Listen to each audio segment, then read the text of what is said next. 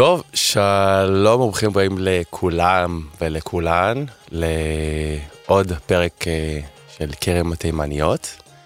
אני התחלתי את המחשבה על אה, כרם התימניות, פודקאסט, כשאני התחלתי לעשות הליכות. אה, אז אני לא יודע מה אתם עושים, אולי אתם עושים הליכה או ריצה או סתם ספונג'ה, אז וולקאם. היום יש לי אורח שאני מאוד מעריך. ולמדתי אפילו אותו, להעריך אותו עוד יותר אה, בשבוע האחרון שעשיתי עליו אה, מחקר קטן, אה, כולל ההצגות, ואנחנו נד, נדבר על זה. אז אה, שלום אוריאל יקותיאל. שלום, שלום, שלום. מה שלומך? אה, סך הכל, סך הכל בסדר. סך הכל בסדר? עוד יום נשרף. כן, כן. הולך להישרף. הולך להישרף. זה כאילו כרם התימניות, כי אתה מארח רק תימנים? ממש לא. לא, כי אני תימני. אז לא ידעתי את זה. במחציתי, במחציתי. לא, לא, לא, אז... כל מה שטוב בעולם, זה תימני. זה בא מתימן. זה, זה ממש נכון. אני מאמין בזה. חינכו אותנו אחרת, אתה יודע. אז ש... אני לא יודע אם חינכו אותנו כמו שזה הגנים, הגנים האפריקאים שהתערבבו בנו. כן. הם, אתה ידעת שפעם תימן ואתיופיה הייתה ממלכה אחת שנשלטה... זה לא היה כוש? כוש ואתיופיה זה היה היינו הך. אבל תימן ואתיופיה היו ממלכה אחת ואנחנו מאוד התערבבנו עם האפריקאים, אז בגלל זה אנחנו יצאנו כאלה מוצלחים, ושחורים גם. כן. כן. אז טוב שכך. פעם, תדע לך שפעם אני לא אהבתי שאני שחור. אני, זה היה לי קטע עם זה. לכולנו היה קטע. גם לך היה? בוודאי. מה, ספר לי רגע. היה לי קטע שאני שחור, היה לי קטע שאני שעיר, היה לי קטע שאני... הכל היה קטע. היום אני... כל הקטע הרי הוא משובח. כן? ברור. טוב, לא עשינו בעצם פתיח, אז עומר בוא נעשה את פתיח ואז.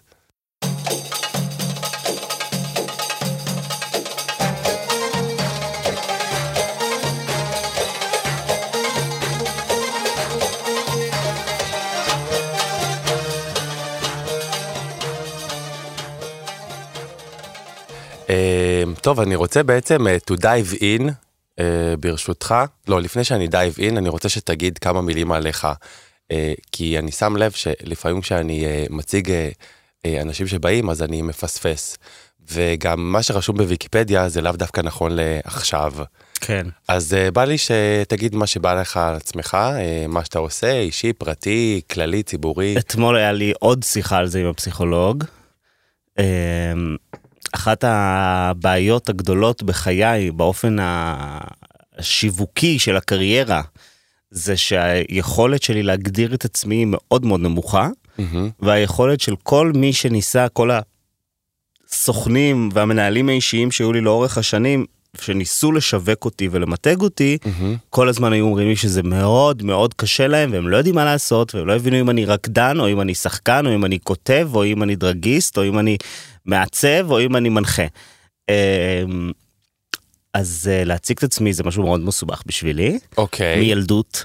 אוקיי. Okay. Uh, אבל אני אוריאל, זהו שמי. כן. Okay. בבסיס, בבסיס, בבסיס, אחרי הרבה שנים של מחשבות וטיפולים בנושא, אני חושב שהדרך הכי נכונה להציג אותי זה מה שנקרא אמן פרפורמנס. Mm-hmm. אני משתמש ב... אמ, אני אמן שמשתמש בזהות שלו וביכולות הופעה שלו כדי ליצור את האומנות שלו. Mm-hmm. בין אם זה בריקוד, במשחק, בין אם זה בהנחיה, בדרג, אמ, בווידאוים, בכל דבר. אה, אז אני חושב שעל הנייר mm-hmm. זו הדרך הכי נכונה אה, להגדיר את הקריירה, אבל אה, בהלכה למעשה אני עושה מה שמעניין אותי, מה שעושה לי טוב, מה שממלא אותי אומנותית ונפשית, וזה מאוד מאוד משתנה. בשבוע אחד אני עושה לפחות עשרה פרויקטים שונים שהם בתפקידים שונים. אפילו היה לי פודקאסט פעם. מה, אה, מה זה, זה הפודקאסט המצולם. הפודקאסט המצולם, אנחנו... שיש לו שישה פרקים, ואני, חיכית, ואני חיכיתי לעוד. אני, אני אגיד לך מה, אני פשוט, הרעיון המקורי היה לעשות את הפודקאסט הראשון בעצמי, mm-hmm. ואז אה, את העונה השנייה לא לעשות בעצמי כבר, אלא שיבוא גוף. ויעשה אותו איתי, ויש גוף כרגע. אבל מדינת ישראל היא מדינת ישראל, וכל דבר לוקח. 200 שנה, mm-hmm. ועד, ש... ועד שהחוזים נחתמים לוקח עוד 200 שנה, אז אנחנו mm-hmm. בדרך. אנחנו בדרך כבר שנה. כן. בוא נקווה שהשנה הבאה זה יקרה. אני uh, ממש רציתי לשאול אותך על זה כאילו כי מבחינתי אני שאבתי אתה אירחת את uh, גיל ואת uh, מיסמס mm-hmm.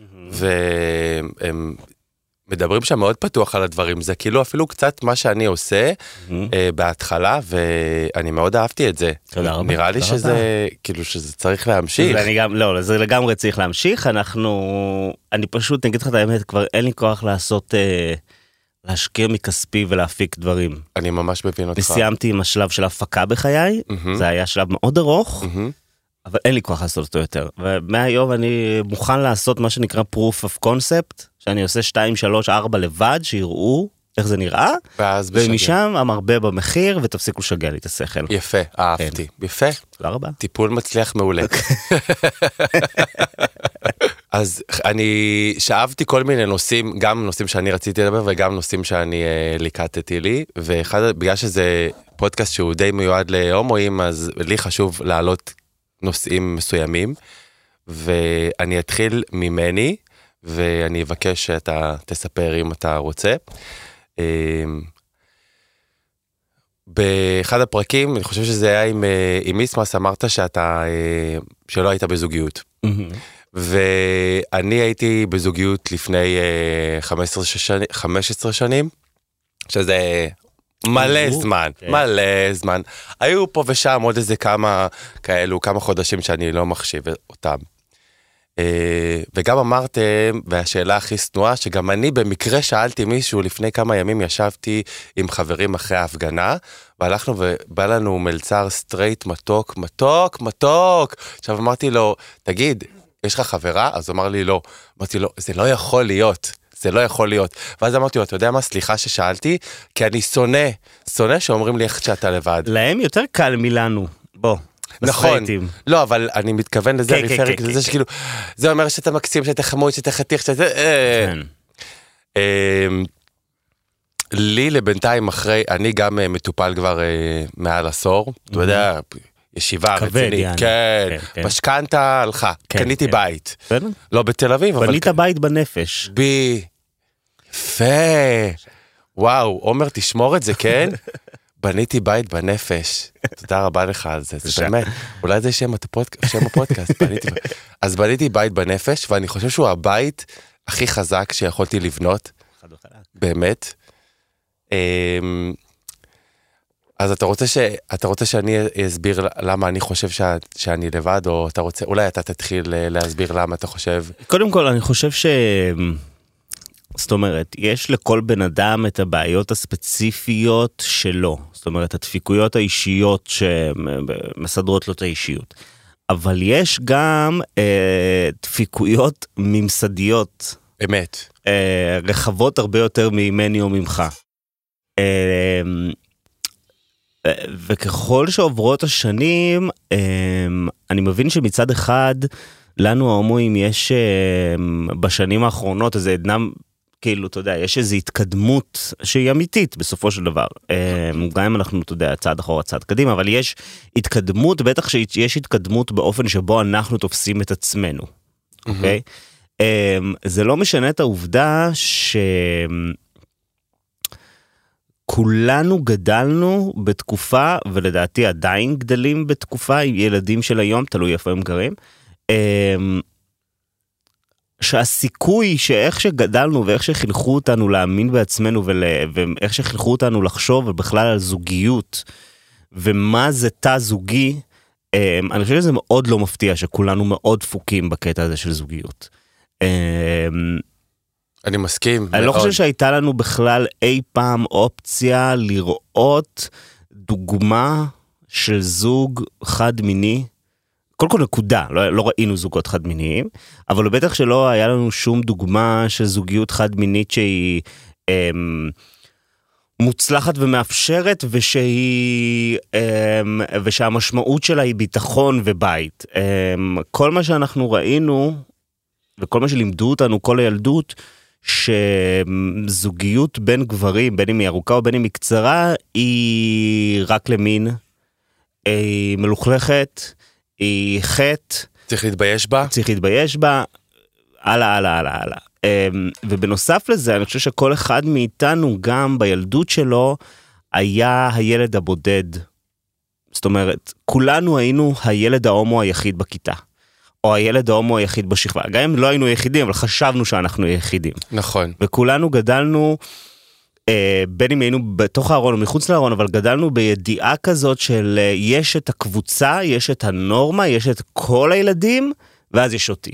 מהמם. יש את כל הבנים וכל הבנות שהם כולם בתוך איזשהו ריקוד משותף, שאנחנו פשוט מחוצה לו. מהמם. אמ, כל הגילאים שבה אנחנו אמורים, שבהם אנחנו אמורים ללמוד חברתית על חיזור, על מערכות יחסים בין בן לבת, הגילאים שאמורים קרה. ללמוד את זה, זה מגיל אה, 8 עד 16, זה הגילאים שלומדים את הדברים האלה באמת, שההורמונים שלך מתחילים לקרות.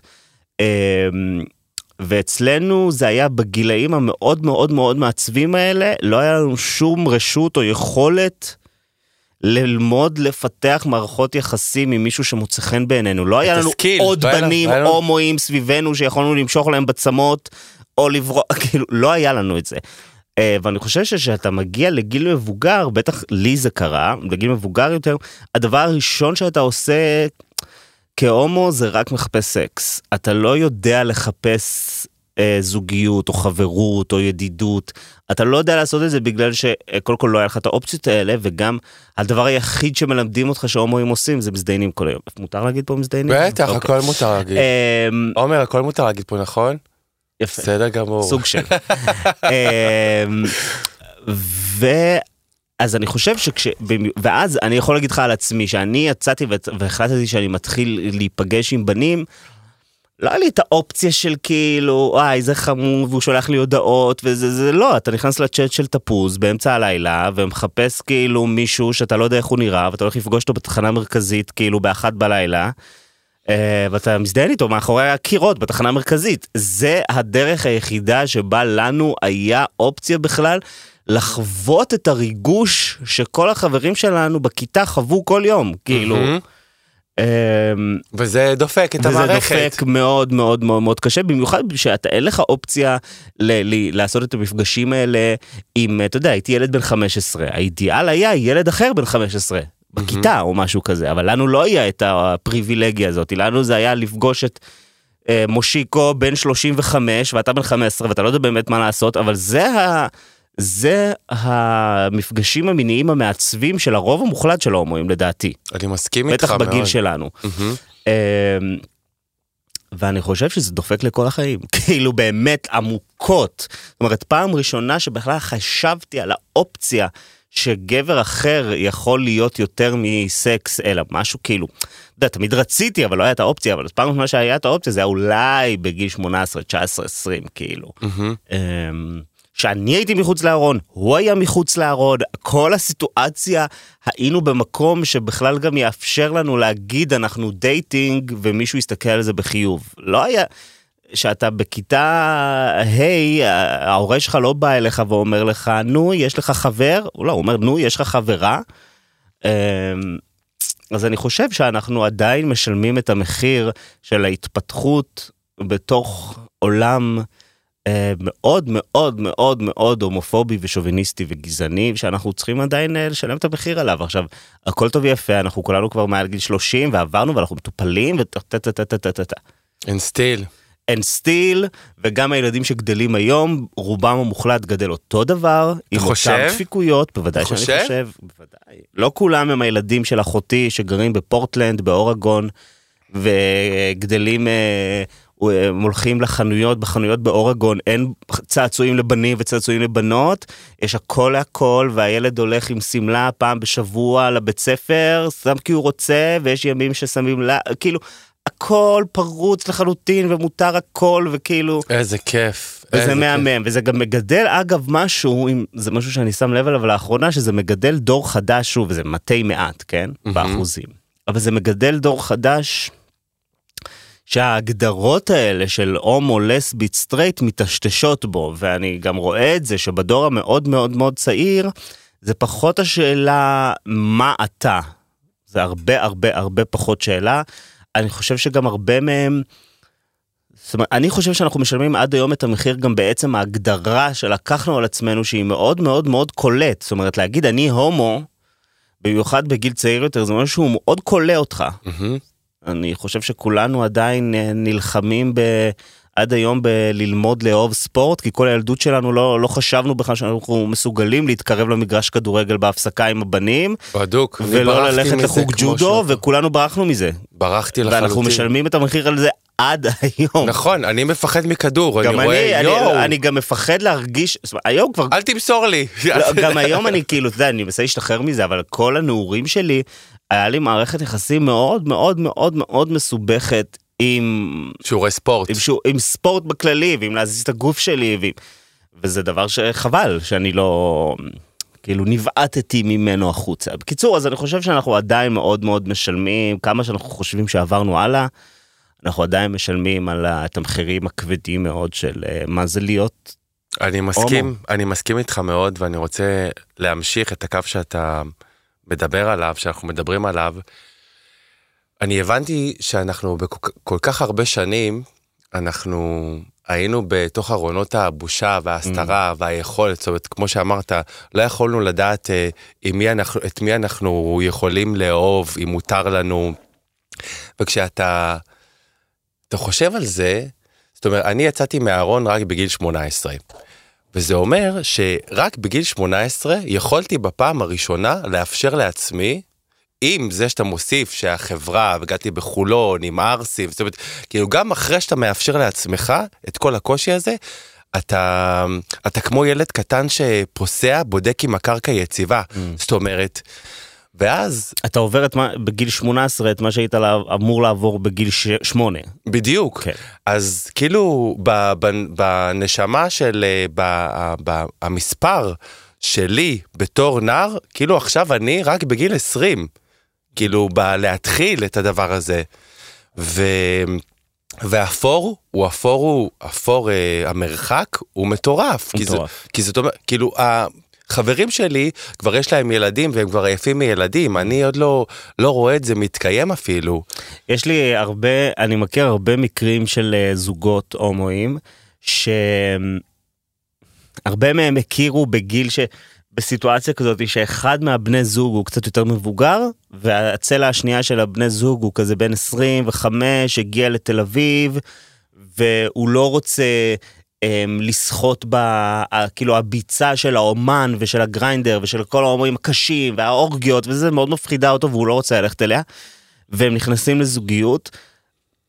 והבחור הזה בין ה-25 לא חווה כלום כל החיים שלו. Mm-hmm. הוא לא חווה שום דבר.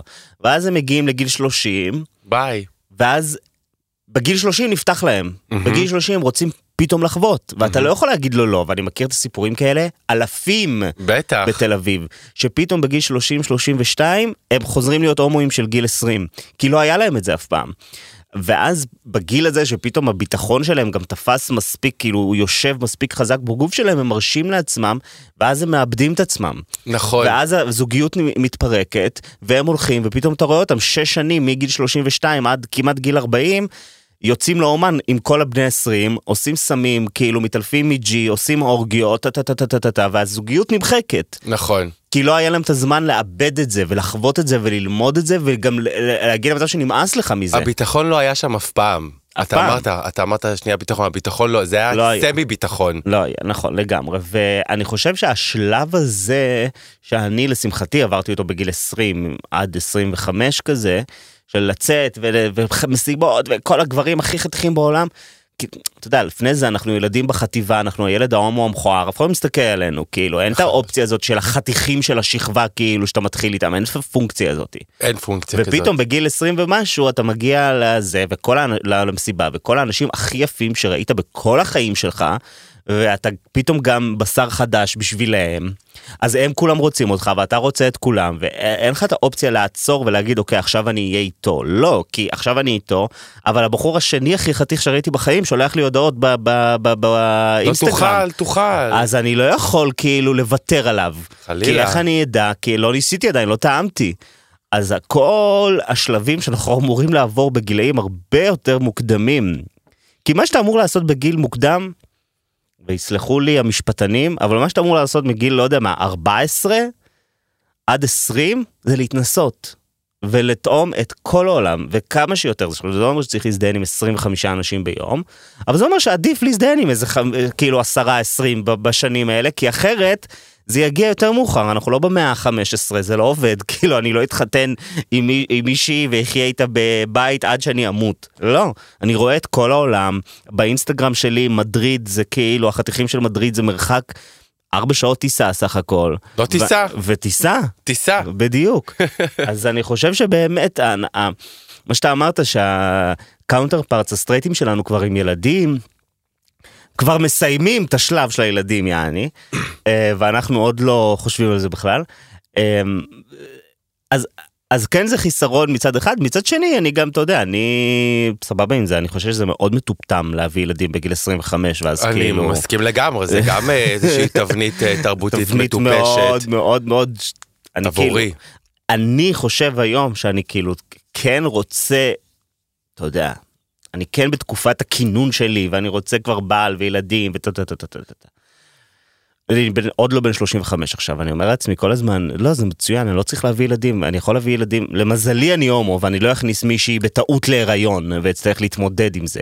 אז אני אומר, סבבה, להביא ילד בגיל 40 זה הכל טוב, אתה בן אדם הרבה יותר בוגר, הרבה יותר מוכן, הרבה יותר עם ביטחון כלכלי.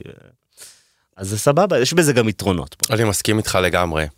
אה, אני גם לא הייתי משנה את זה. גם עכשיו אם היו אומרים לי לקחת גלולה, אתה רוצה להישאר הומו או לא כזה, נשאר הומו. לא, ברור. אה, לא, יש כאלה שזה לא ברור יש להם. כאלה שזה לא ברור להם, היה לי הרבה, הרבה ויכוחים על זה עם אנשים בגיל, בגילי 14-15 מה שנקרא, אבל אה, לי זה לגמרי, לגמרי, לגמרי ברור. גם אני, אגב, בתור אומן, מהמם. אין דבר יותר טוב לאומנות מאשר להיות בן מיעוטים. אין דבר יותר טוב. נכון. אומנות תמיד, תמיד, האומנות הכי טובה, תמיד, מאז ומעולם, באה מהשוליים. אה, ובאה מדיכוי. ובתור גבר שהוא גם הומו וגם מזרחי, אז ה... כל הדברים המעניינים שאני יוצר ושהעולם מגיב אליהם, עזוב מה מעניין אותי, אבל גם שהעולם חושב שהוא מעניין ומגיבים אליי, הם כולם דברים שהם אך ורק נולדו מתוך פוזיציות של, גם דרג שאני עושה, זה גם אותו, זה גם אומנות מדוכאת. שהתבשלה כל כך הרבה זמן בתוך הדיכוי עד שהיא נהייתה כל כך טובה שהמיינסטרים החליט לטרוף אותה. עצירה קטנה, אני רוצה להגיד לכם משהו. בדרך כלל בפודקאסטים אחרים, אה, מה שקורה זה שהם ממומנים על ידי אה, חברות, ובגלל שזה הפודקאסט שלי, אז אה, מי שמממן אותי זה אני. אה, לכן אני רוצה לספר לכם על טורנסול. טורנסול זה העסק שלי כבר עשר שנים. עשר שנים שאני עושה ריחות, ריחות טובים לאנשים טובים. בעיקר בעיקר מכונות ריח חכמות לעסקים כמו קליניקות, מרפאות, אה, אולמות, לובעים, משרדים וכל מה שקשור למקום העבודה שלכם. מה שאנחנו עושים בעצם בטורנסול ואנחנו מתמחים זה שאנחנו בוחרים לעסק שלכם ריח. עכשיו מה זה אומר לעסק שלכם ריח? אנחנו מסתכלים מי אתם, מה אתם, איך המקום שלכם נראה, איזה ריח מתאים לכם, מה אתם אוהבים ומה אתם לא אוהבים. ממש כמו שמעצב גרפי מתאים את סוג הפונט ללוגו שלכם. בנוסף בטורנסול אנחנו מציעים מארזי מתנות, מפיצים, נרות, פסמים, דברים טובים, ובעצם אפשר בהחלט לעשות את אותן מתנות באותו ריח של העסק שלכם. מה שזה אומר, אתם בעצם מקבלים חוויה עגולה, הן מבחינת המכונות ריח במקום עבודה שלכם, והן מבחינת המתנות שאתם שולחים ללקוחות שלכם או לעובדים שלכם. בקיצור, תרשמו בגוגל טורנסול, יש לכם חודש, מתנה, ניסיון על חשבוננו עם המכונות ריח, ומחכה לשמוע מכם. אני רוצה עוד מעט אה, לעבור ל- לדראג, אז אני אה, רוצה כן להמשיך את מה שאתה אומר, שזה יוביל אותנו לדראג. במופע שלך, חלק אה, מהמופע אתה מדבר על המושג הזה הומו ליצן, שאתמול ראיתי את זה, ופתחתי עיניים לעצמי, אמרתי, אומייגאד, אומייגאד, אומייגאד. אז לפני שאני מתחיל עם ה oh my god שלי, ממשיך איתו, אתה שנייה יכול להסביר מה זה הומו ליצן? אמ, הומו ליצן זה הדרך שבה תרבות המיינסטרים החליטה להתמודד עם התופעה הזאת שנקראת הומו, והדרך שבה היא החליטה לשלב אותה לתוך התרבות. אמ, וזה בעצם אומר שהדמות של כל הומו שאנחנו רואים או ראינו בטלוויזיה ובתקשורת בשלושים שנה האחרונות, היה לה רק אופציה אחת, וזו אופציה להיות מה שנקרא עליז. נכון. זה כמו השחורים של פעם. בדיוק. אגב, כמו הרבה הרבה הרבה מאבקים, הם כולם אותו מאבק, שאתה מסתכל עליהם, אבל כמו שאומרים לאישה, למה את לא מחייכת? זה כאילו, אה, העולם, ה, הבעלים של העולם זה הסטרייטים, אוקיי? נכון. וכשהם נותנים לנו ברוב טובם, um, כרטיס כניסה זמני, כאילו נותנים לך תפקיד באיזה סדרה או נותנים לך משהו זה, אז יש אופציה אחת שבה מותר לך להתנהג וזה להיות מאוד מצחיק, האוכצ'ה הכיפית, מה שנקרא, um, כדי לשלול ממך את כל העומק שהופך אותך לבן אדם, לשלול ממך, זאת אומרת, אתה יכול להראות רק את הצדדים החיוביים והמצחיקים, אבל אין לך שום רשות להראות את הכאב, להראות את המאבק, להראות את המחיר שאתה משלם על זה שהם מדכאים אותך. גם זה מאוד אסור להראות בטלוויזיה. Mm-hmm. ואסור להראות מיניות חלילה, אתה לא יצור מיני. אתה רק לא, אמור להצחיק. אתה רק אמור להצחיק. אתה יכול להיות ליד הבחורה הסטרייטית הכוכבת, אבל אתה לא יכול להיות הכוכב. Mm-hmm. אמ, אני אספר לך סיפור שעשיתי את הקמפיין לדיוטי פרי לפני כמה שנים. Mm-hmm. זה היה בתקופה כאילו שהייתי מאוד במקום מאוד מאוד גבוה. והגיע הקמפיין הזה של הדיוטי פרי ואני אמרתי וואו כאילו הלאה מעניינים להיות מרוח על כל שדות התעופה שנתיים זה זה זה It's a thing. It's a thing. וזה היה עם הרבה מאוד כסף. זה היה חוזה מאוד נחמד בוא נגיד זה ככה. nice. ואני זוכר שהגעתי לפגישה הראשונה כאילו במשרד הפקה עם הקריאייטיב שלהם וזה וזה לראות את התסריט לפרסומת. וזה אחרי שכבר ידעתי כמה כסף אני, זה שווה לי והתסריט הראשון שקראתי שם היה כאילו מזעזע אני חשבתי שאני מת. זה היה כאילו? בחורה סטרייטית הולכת לעשות שופינג בדיוטי פרי מהמם. ואני צץ כזה כמו ג'יני פתאום ואני אומר לה יא חתיכת חייבת את הג'ינס הזה בואי לדיוטי פרי כל מיני כאלה. עכשיו הסתכל, ישבתי שם בחדר עם ה- כל הצוות קריאיטיב וצוות ההפקה והבמאי של, התור, של הפרסומת כולם כמובן היו סטרייטים ברור. כן כולם היו סלח לי אבל אשכנזים וסטרייטים ברור. אמ, שכותבים לי איך לדבר כהומו שזה היה באמת מקסים. אמ, ובאיזשהו שלב כאילו אה, עצרתי ואמרתי להם תקשיבו אני מצטער אני לא יכול לעשות את הפרסומת הזאתי. אני פשוט לא יכול אני לא יכול להקריא דבר כזה בטלוויזיה אני כל החיים שלי עובד לעשות בדיוק את ההפך ממה שאתם עושים פה עכשיו כאילו בדיוק לקחת את הדמות השטוחה ולהרחיב אותה אתם לוקחים את הדמות הרחבה שלי ומשטיחים אותה. אמ, אז אני מתפ... כאילו אתה יודע התפטרתי בעיקרון וואלה. אמרתי להם לא יקרה אני מצטער. הבחור הקופירייטר נורא התעצבן שהעזו בכלל לפקפק ביכול, ביכולות הסטרייטיות הסוג זין שלו. בדוק.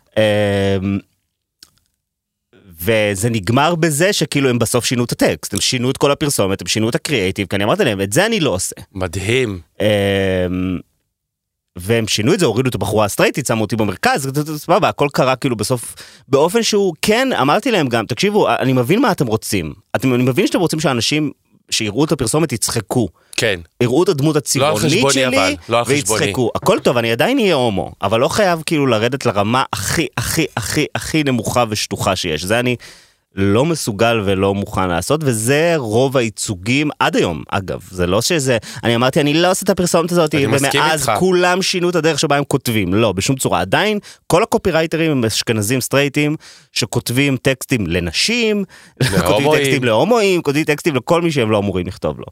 אמ, אז זה קצת מה זה הומו ליצן בעיניי. אז אני רוצה לקחת את ההומו ליצן הזה אה, לפן שהוא קצת אחר, תגיד, תגיד לי אם אתה חושב שזה נכון או לא נכון. אז כשאני אה, שמעתי על ההומו ליצן הזה אתמול, אה, הבנתי שגם אני הייתי ב- בחיי הומו ליצן. זאת אומרת, אה, אם אתה, הרי בשביל, דיברנו עכשיו על ילדות ועל נערות, אז בגלל שגדלתי לצורך העניין בחולון, אז אי אפשר שיצחקו עליך כל הזמן שאתה הומו, אז אתה הופך להיות אה, סוג של ליצן, זה יכול להיות מצחיק. אתה הופך להיות מצחיק. כן. ואז, אה, ואז זה קצת מה שיוצא גם, זאת אומרת, אתה מתבגר, אתה מצחיק, זה השם שלך, שאתה כל הזמן מצחיק. עכשיו, כמוני אנחנו עושים duplicate לעוד הרבה הומואים אחרים שהם צריכים, ופתאום עלה לי שאני אה, מכיר מלא חברים, יותר קצת לשעבר, שהם היו הומואים, עדיין הומואים ליצנים, שאני כבר לא עושה את זה, או שאני עושה את זה בהרבה פחות, ולא ידעתי למה אני לא עושה את זה. אבל היו ערבים ש... אז קודם כל, דבר אחד, אני קלטתי על עצמי, שאני כל הזמן מחפש לחפש בדיחות. היי, רגע, נשמה, לא חייבים כל הזמן לספר בדיחה. אפשר גם, אפשר גם להיות שנייה רגיל. לא שנייה כל הזמן את הפאנץ' הזה, את כן. הפאנץ' הזה, את הדבר הבא, את ה... ולצד זה, אה, לפני אה, שנה, שנתיים, אה, יצאתי מאיזושהי חבורה של חברים, שהאסנס שלה, לדעתי, היה אסנס של כל הזמן יחתי ויחתי והומואית, ו... כל הזמן, איזה פאנץ', איזה צמד מילים הולך, איזה זה, ו- והגעתי תמיד עייף. עייף. כן. התעייפתי, אתה אומר, נשמה, אתה בא לשבת עם חברים שנייה, החיים שלנו כל כך עסוקים, אנחנו כל כך עוברים הרבה דברים, גם במדינה, as we know, גם בעבודה, גם בחיים האישיים, גם הורים מתבגרים, גם אחים לפעמים, כל אחד, אתה רוצה שנייה לשבת עם חברים שלך. בהחלט כן לצחוק. ולהוריד את המגננות, ההומור שלנו הוא מגננה, הרי בסופו של דבר. וזה גם, אה, זה, זה בדיוק להפשיט לך את, את האנושיות שלך. הרי בסופו של דבר, גם אם אנחנו מצחיקים, אני עדיין מאוד אוהב להצחיק. נכון. אני מאוד אוהב להיות מצחיק, אני מאוד אוהב להשתמש בכל איפה, אז, הסל אז של ההומואיות שלי ושל הקוקסינליות שלי, שאני גדלתי עם המילה קוקסינליות כמושג של גאווה, אני גדלתי על ברכי קוקסינליות אמיתיות, כן. על, על אה, ג'ניפר קים ועל נתנאלה ועל אה, גילה גולדשטיין וננסי וסברין וכולן. אמ, ויש משהו בקסם הזה שיש לנו. שסטרייטים רואים אותו ומשתגעים, הם נקרעים מאיתנו מצחוק. הרי אנחנו רק אומרים מילה אחת ליד סטרייטים, הם נשפכים, הם מתים, זה גומר אותם. ולמה זה גומר אותם? כי ה... אני, לי, לי זה תמיד נראה כמו פעמון זכוכית, מגדר. מגדר נראה לי כמו פעמון זכוכית שמקיף אותך. אמ, זאת אומרת, זה מצד אחד קשיח לחלוטין, אוקיי? אוקיי. אבל מצד שני זה שקוף לגמרי. וכולנו חיים עם הפעמון זכוכית הזה. עכשיו סטרייטים חיים עם הפעמון זכוכית הזה הרבה יותר מאיתנו, ולהם הרבה יותר קשה. כי להם, אם אתה שואל אותי, המשקל הסגולי של מה זה להיות גבר, יושב עליהם הרבה יותר כבד ממה שהוא יושב עלינו. נכון. אוקיי? בשבילם אנחנו יכולים להתלונן על זה, אבל הם צריכים לחיות את זה אחרי זה. עכשיו, אני חותם לך שבתוך כל הסטרייטים שבעולם, יש בדיוק אותה כמות של סטרייטים נשיים, עדינים, רגשיים יותר, בדיוק כמו שיש אצל ההומואים, גם אצל ההומואים יש הומואים אגרסיביים ויש הומואים רגישים. עכשיו, כגבר שהוא לא הומו, שהחברה לא ויתרה עליו, מה שנקרא, אתה יוצא לעולם, ואתה צריך באמת להשיג קריירה, ואתה צריך באמת למצוא אישה וילדים, ואתה צריך באמת שאחרי שהתחתנת גם לספק לבית שלך את כל הכסף, ואת כל הביטחון, ולהיות ואת הכי... ואת כל הגבריות. ואת כל הגבריות, ולהיות הכי יציב, ואסור לך להראות רגישות, ואסור לך לבכות, ואסור לך לחקור את הדברים בך שמעניינים אותך. לגברים סטרייטים אין את האופציה לחקור, כמו שלנו יש, את הרגישות שלהם, את האומנות שלהם, את, ה, את הנשיות שלהם. אין להם את האופציה הזאת. ולכן אני חושב שהם סוחבים על הגב שלהם הרבה יותר כבד את כלא המגדר. מאשר שאנחנו. וכשהם רואים אותנו, שגם אני וגם אתה נראים כמו, בוא נגיד זה ככה, המטען הגנטי שלנו זה יותר שיפוצניק מאשר אה, עופרה חזה. וכשהם רואים אותנו, תימנים שחורים רחבים כאילו, ערסים בלוק, ופתאום אנחנו מסתובבים אליהם ואומרים, אתה הורס את מצוקה, והם נקרעים מצחוק, כי בשבילם לראות את הפעמון זכוכית הזה מתנפץ במילה אחת שאנחנו אומרים, אם אתה שואל אותי, הסיבה שזה כל כך מצחיק אותם, כי זה מהווה עבורם שחרור. הם משתחררים דרכנו. הם רואים אותנו מתעלמים לחלוטין מהכלא שהניחו עליהם. אנחנו רואים אותנו חופשיים כל כך, והם צמאים לזה. הם צמאים לזה. עכשיו, זה יכול okay. לגרום אוקיי. להם או לכעס, שזה גורם אצל הרבה מהם לכעס, נגיד סמוטריץ', שהיא מתה להיות אישה. בטח. אבל היא רואה אותנו. וזה גורם לה לכעס, כי היא לעולם לא יכולה. גם, היא רוצה גם. ושמחה רוטמן מתה ללכת לאומן. מתה לקפוץ שם לאמצע שיעשו עליה בוקקה. עכשיו, היא לא יכולה, אבל אנחנו כן יכולים. וזה או שזה גורם להם לשחרור באמת, איזה elevation של הרוח, שאומרים וואו זה כיף, או שזה גורם להם לכעס. אמ, אבל אני חושב שאין לה... שאני חוזר רגע למה שאמרתי, שהכוח הזה שיש לנו לשחק עם מגדר ועם ציפיות חברתיות באופן שהוא כל כך, באמת, אנחנו שולפים את זה מהמותן וזה ממוטט את כל, ה, את כל מה שהם חשבו. אני לא רוצה לוותר על הכוח הזה, אני אוהב את הכוח הזה. זה מה שעושה אותי אני, הנשיות שלי, ההומואיות שלי, המצחיקות שלי, הקוקסינליות שלי, היא חלק גדול ממה שעושה אותי אני. עכשיו, איפה אני זה... רוצה לשאול שאלה על זה. כן. אז קודם כל זה צוהר חדש שפתחת לי. אני דווקא הסתכלתי על זה הפוך ותתקן אותי אם אני טועה. אולי בגלל שכל השנים אנחנו חששנו מלהוציא את הנשיות שלנו, או בעצם אה, אנחנו לפעמים, אה, יש את הדמויות בארץ נהדרת, נכון? את אה, לירד ולארד. נכון? זה שבמקור היו מבוססים עליי ועל תום באום. אוקיי, טוב שאתה אומר את זה. במקור במקור, בתוכנית אוקיי. הראשונה. כן. אז זה, אז, אז זה קצת מנסה להוציא את, כאילו, האוכצ'ה הכי רציני, כאילו, כן. הם באים ולועגים, אז זאת אומרת, יש איזה כן. משהו שהוא נלעג. כן. אז אולי, עם השנים, אנחנו עכשיו, זה משהו שאני בניתי לי בראש, תגיד לי אם זה, אתה חושב שזה כן. נכון או לא נכון. עם השנים אנחנו היינו צריכים להיות נלעגים בשביל, בשביל בשביל להיות בשיח בכלל. בדיוק, כמו שאמרת, שאנחנו, אם אנחנו רוצים לקבל, אם אני רוצה עכשיו להיות אה, ב, בפריים טיים, אז אני צריך להיות ההומו להתפשר, המצ- כן. אז אני, אז אני לא יכול להביא, אני לא יכול ו- ו- לדבר רגיל או מעט נשי, אני צריך להיות נלעג. נכון. והאם יכול להיות שאנחנו ניכסנו לנו את זה, את התרבות הנלעגת הזאתי, שזה בא לידי ביטוי ביאכטי ובהרמות וב, וב, ובחוסר אותנטיות, אה, שזה גם אחר כך מגיע בטלוויזיה ובכלל בחיים, בחיים עצמם. אה, אני חושב שאנחנו, אמרת לנו את זה. כי אתה אמרת את הצד היפה של זה, כן. שאתה מרגיש עם זה בנוח. אני היום. נכון. היום אני מרגיש עם זה בנוח. אבל אני אגיד לך למה אני מרגיש שזה בנוח. אני מרגיש עם זה בנוח היום, כי היום יש לי את היכולת לעשות את זה באופן עגול. זאת אומרת, אני יכול לעשות מתי שאני רוצה את היאכטי, ואני יכול באותו רגע לעבור לשיא הרצינות ולשיא העומק ולשיא הפוליטיקה ולשיא הזה, ואנשים היום, אחרי שעבדתי בזה הרבה מאוד שנים לשנות את התדמית שלי, את העבודה הקשה ומאומצת, היום, שזה עגול, אז אין לי בעיה. זאת אומרת, אין לי, כי כל עוד יש לי את המקום שאני יכול לתבוע בו את האנושיות והרצינות שלי, אין לי בעיה לתת גם את ההומור. הבעיה קורית כשאין את ה... אין את זה מצד מנגד. עכשיו, בנוגע למה שאמרת על ארץ נהדרת.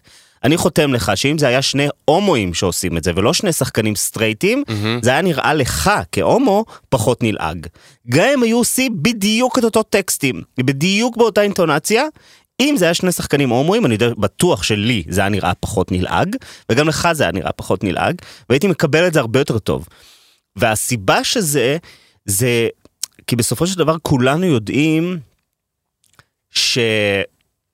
זאת אומרת, הדרך שבה סטרייט, ברגע שזה עובר את המסננת דרך בן אדם סטרייט, זה יוצא שטוח יותר, אין מה לעשות. נכון. אין מה לעשות, אין את העומק, כמו שאני מצפה שבראש הרשות אה, קידום למעמד האישה תשב אישה ולא גבר, כאילו, אתה יודע, אני, אני צריך אנשים שמבינים את מה שהם מנסים לעסוק בו, הבנה אמיתית. אה, מה זה להיות אישה, מה זה להיות גבר, כן. מה זה להיות שחור, מה זה להיות ערבי, מה זה להיות, מה זה בדיוק. להיות. מה זה להיות, ואני חושב ש... אני חושב שאנחנו לא נכנסנו לעצמנו את המקום הנלעג הזה, אני חושב ששמו אותנו שמה, אה, בניגוד לרצוננו, ופשוט מתוך הרצון לשרוד ולחיות ולעשות דברים, כל הזמן המשכנו למלא את המקומות האלה, כי זה האופציה, זה המקום היחיד שהיה לנו למלא. זה כמו שנשאל, למה רוב ה... במ- במה, אתה יודע, בעולם הרפואה, הנשים ברובן הן אחיות ולא רופאות. מהמם. עכשיו למה זה? לא בגלל... כי הכריחו אותם להיות... כי לא נתנו להם להיות רופאות, אז הם מהמם. הלכו להיות ברובן אחיות. מהמם. אמ, make sense. כן, אבל אמ, אני חושב ש... זאת אומרת, ברגע שאתה... הדרך היחידה, בגלל זה גם הרבה פעמים קשה לי ליצור לקהל שלא מבין מה אני רוצה ממנו. זאת אומרת, אם אני יוצר לקהל סטרייטי, אני ייצור לקהל סטרייטי, אבל אתה יודע, ש, שיודע על מה אני מדבר. כאילו יותר תל אביבי, יותר ליברלי, יותר זה שמורגל לראות מספיק הומואים שהם יכולים להכיל את זה שלא כל הומואים מצחיקים, אוקיי? עכשיו, כשאתה מגיע לערוץ 2, אין את האופציה הזאתי. כאילו, ערוץ 2 פריים טיים. זה, זה לא כאן 11 של היום, אוקיי? שיש כאילו מגוון דעות, מגוון סדרות, מגוון צורות, מגוון אנשים. עכשיו יצאה הסדרה הזאת אה, בגוף שלישי, שזה כאילו הסדרת דרמה שהקשת ניסו לשים בפריים טיים, סדרת דרמה פעם ראשונה מזה כאילו עשרות שנים. מהמם. זה סאחי ברמות שאתה אתה מת תוך כדי שאתה רואה את הסדרה, כאילו. עכשיו, אני לפני כמה שנים כבר הבנתי שאם אני לא יהודה לוי, אין לי מה לחפש בפריים טיים הישראלי. אין לי, אין לי, אין, לא, לא יעזור. לא, לא נגיע. אולי נגיע עוד 20 שנה, אני לא, אין לי 20 שנה לחכות, אוקיי? אמ, ואני הבנתי שהפריים טיים הישראלי, אין לי מה לבזבז את הזמן שלי על המקום הזה, זה כאילו, זה לא הכי גבוה שתגיע, ואני הגעתי לגבהים. ואני הגעתי לעשות קליפים עם כל האמנים הכי גדולים בישראל, והגעתי להיות בטלוויזיה, והגעתי להיות בקמפיינים ופרסומות ומרוח לשדות תעופה ומטוסים וטה אבל כאילו למצוא כשחקן משהו שיספק אותי במידת העומק והאותנטיות שלו, בפריים טיים הישראלי, לא קיים. מהמם. נקודה. אמ, ולמרות שאני כבר הרבה שנים עובד על, זה עצוב לי להגיד שאני עובד על לשנות את התדמית שלי של הדרגיסטית מהאריסה. כי אני לא רוצה לשנות את התדמית שלי, ש- כי אני לא מתבייש בה, אני אוהב אותה מאוד. אבל רק בשביל שאנשים יתייחסו אליי קצת יותר ברצינות, כי אני יודע מה ההצעות שאני קיבלתי במהלך הקריירה, ואני יודע כמה הן לא רציניות. אז כדי שיתייחסו אליי באיזושהי רמה של רצינות, הייתי צריך לעשות שינוי מאוד מאוד מאוד מודע, שחלק ממנו כלל להפסיק לעשות דרג כמעט באופן מוחלט. כי אני ראיתי איך זה הולך להשתלט לי על החיים, ואיך בגיל 60 זה עדיין כל מה שאני אעשה, ואני אמרתי, אני לא מוכן לעשות את זה לכל כך הרבה שנים.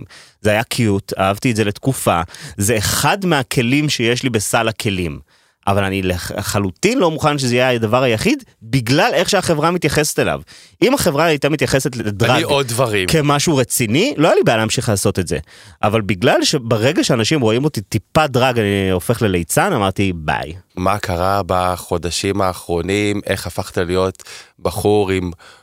שפוליטיקה זורמת לו בין הוורידים, עיניים, רגליים. יש לנו עוד אה, כמה דקות אז אני ספורות. אגיד לך מה היה באמת ה... טריגר. הטריגר. זה, זה קשור לכמה דברים. קודם כל, תמיד הייתי פוליטי לא במובן של פוליטיקה, אלא במובן של איך ש... הרי מה זה פוליטי? פוליטי זה כל דבר שנועד לייצג או לקדם קבוצה כלשהי, זה פוליטי. אוקיי? אז מבחינתי האקט של לצאת ב- מהארון בגיל 13 זה פוליטי. מהמם. זה משנה את כל החיים של כל אלה שהיו איתי בתיכון לכל החיים, לטובה או לרעה. חד? משמעית. אמ, ומבחינתי לשים אה, ריס ומוזיקה מזרחית תוך כדי ולחבר את החיבור הזה של בין העולם המזרחי לעולם ההומואי זה פוליטי מאוד. נכון. אמ,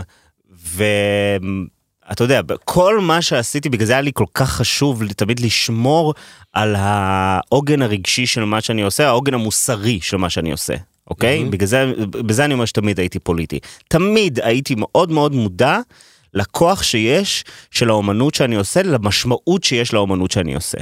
מ-day one, ברגע שזה קיבל קהל, אני אמרתי, אני עושה את זה באחריות. יפה. אני לא משתמש באומנות שלי כדי להוריד אף אחד, אני משתמש באומנות שלי אך ורק כדי להרים ולקדם. דברים שאני מאמין בהם. אמ, ולעולם לא עברתי על, ה, על החוק הזה. בוא נגיד, לא שאתם ראיתם, אוקיי? לפעמים קיבלתי קצת כסף על דברים שאני פחות גאה בהם, אתם לא, לא הגיע אליכם, לא הגיע גמור. לקהל. כן, קצת קהל הגיעו. בברלין. כן. אבל באמת היה מצב שאני יצאתי מהמרוץ למיליון לפני שמונה שנים כבר, ואני הייתי מקבל ארגזים של הצעות לסוכנת שלי. מהמם. אוקיי? עכשיו, כל ההצעות היו אותו דבר.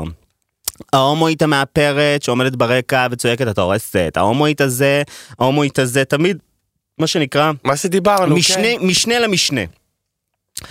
אמ, והיה גם הרבה, אני קיבלתי הרבה פידבקים מאנשים ברחוב, בעולם, שאני...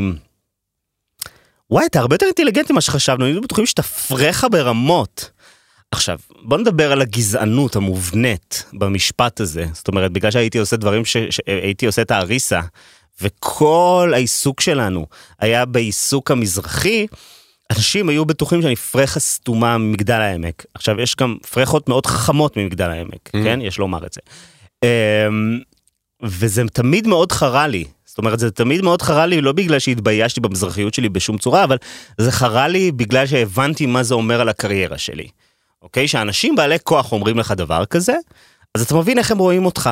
ואתה מבין איך הקהל בגדול רואה אותך. אמ, וחיפש, וחיפשת לשנות את הנרטיב הזה? חיפשתי לשנות את הנרטיב הזה כי ידעתי שהוא פשוט לא מעניין אותי הנרטיב הזה ואני יש לי בעיה דברים שלא מעניינים אותי אני לא מסוגל לעשות. Mm-hmm.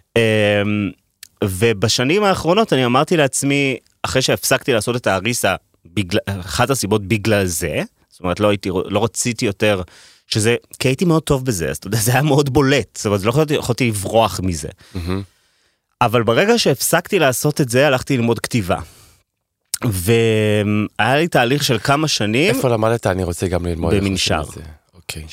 היה לי כמה שנים שבהם התהליך באמת היה להפוך מדרגיסטית שלא פותחת את הפה שלה, mm-hmm. זאת אומרת שאני פותח את הפה שלי זה היה עם שירים של אנשים אחרים, פיזית לא שמעו את הקול שלי אף פעם באף קליפ. אמ, להפוך לדמות שמדברת, שיש לה מה להגיד ויש לה מה לחשוב על העולם. אה, ומשתמש ב, ב, ב, בדיבור ובכתיבה כדי ליצור את האומנות שלי, לא רק בפרפורמנס, כי בפרפורמנס הבנתי שאני טוב, אוקיי, אני טוב בזה, הבנו, נקסט. ואני הבנתי גם עוד משהו, אני הבנתי שמבחינת זכויות ומבחינת כסף, אתה לעולם לא תגיע לשום מקום אם אתה לא בעל הזכויות של מה שאתה עושה. ואני החלטתי שאני לא עושה יותר דברים שאני לא, או לפחות כתבתי אותם, מביים אותם, זאת אומרת שיש לי את הזכות עליהם גם באיזושהי רמה.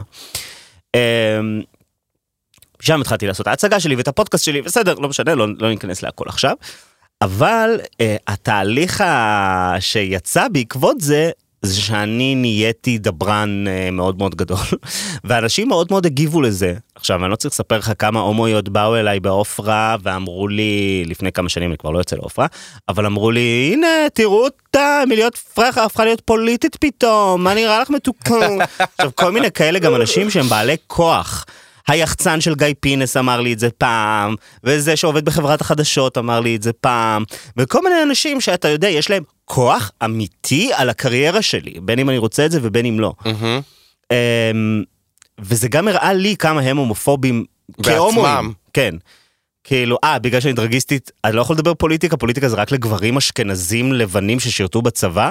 נכון. אמ, ונקפוץ רגע, כי אנחנו צריכים לסיים, ונקפוץ רגע לתקופה הזאתי, לתקופה של השנה האחרונה, בוא נגיד את זה ככה. אני שמתי לב פשוט שככל שהטירוף סביבנו עולה, ככה הצורך שלי לדבר עולה.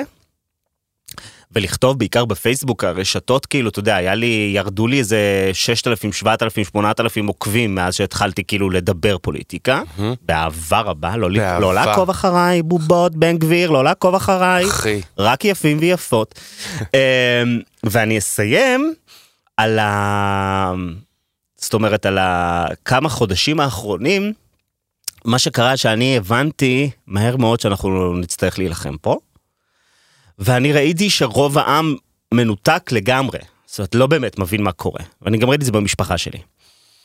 ואני התחלתי מאוד מאוד מוקדם, כבר לפני ארבעה חודשים אני התחלתי לצרוח כאילו מהגגות, חבר'ה הולך להיות פה מלחמה. כן.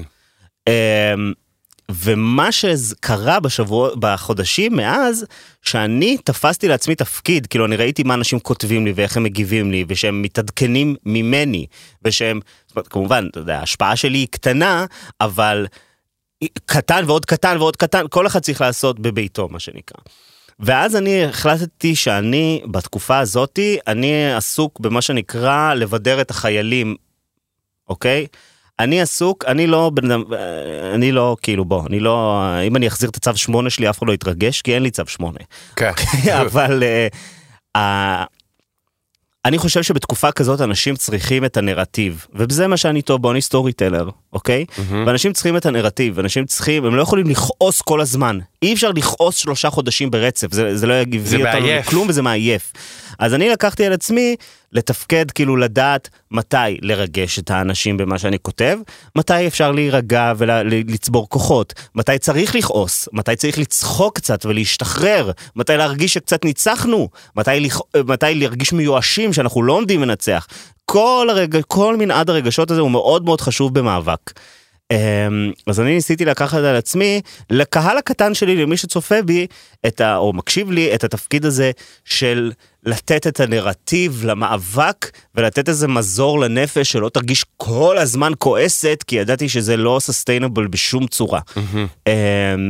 ואני חושב שאחת הסיבות שהמאבק שלנו עובד, ובזה אנחנו נסיים, שאנחנו מאוד מאוד מאוד יצירתיים. אמת. כל הצד שלנו. אנחנו משתמשים ביצירתיות שלנו, ברגש שלנו, כדי להצליח במאבק הזה, ואני אמרתי לעצמי, אוקיי, זה התפקיד שלי במאבק הספציפי הזה. מקסים.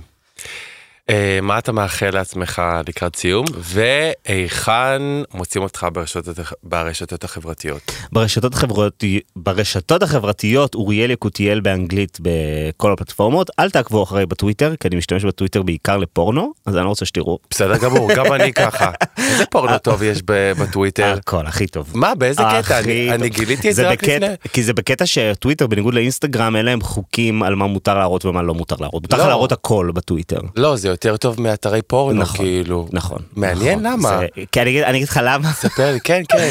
קודם כל בגלל שזה לא חשוב. מצונזר הטוויטר אבל יותר מזה בגלל ש... למה אתרי פורנו כן מצונזרים? לא אינסטגרם. כן, אוקיי. מצונזר. והפייסבוק אתה לא יכול להעלות משהו. לא עכשיו זה רגע סמי נושא חדש שאנחנו פורנו עושים- בטוויטר. ועכשיו הסיבה שאני? אוהב כל כך את הפורנו בטוויטר זה בגלל שאני לא אוהב אה, דברים מופקים אני לא אוהב כאילו אולפנים. אוקיי. אני רוצה לראות את הבן אדם עצמו. תראה לי אותך. אותך החתיך שראיתי במדריד במסיבה אני. רוצה לראות אותו עושה סקס בבית שלו עם חברים וזה מה שהוא מעלה. וואו. ואז הרבה יותר אה, אמיתי כי זה כאילו נכון. לא אולפנים זה מישהו שמצלם נכון. אותו ומישהו אחר בשירותים במועדון עושים סקס. שם, המ- שם הקוד הוא אותנטיות. אותנטיות. אני מאחל לעצמי, את כן, שאלת אותי מה אני מאחל נכון. לעצמי, אני מאחל לעצמי, אמ, אני עוד מעט עובר לפריז בעזרת השם וואו. לתקופה, כאילו אנחנו עושים כזה back and forth, אז אני מאחל לעצמי לטוס כבר, כי אני צריך קצת מנוחה מהמדינה הזאתי, ואני מאחל למדינה, למדינה אני מאחל רוגע ושקט. אז רגע, זה אומר שאתה. תהיה פחות אה, לוחמני? אני לא יודע, אני אמרתי לבחור בפריז שאני עובד איתו, שברגע שכאילו יתחילו פה, יתחיל פה מלחמת אחים, כן. אני בא. יואו. אה, אין מה לעשות, אני לא. חייבת לריב. לא, לא מפקירה חיילים. לא, לא מפקירה. חס וחלילה. חברים, בדיוק. אוריאל, יקר, כן. היה לי כיף ברמות, איזה באמת. כיף, תודה רבה. תודה שבאת. תודה, תודה, תודה. צ'או, להתראות.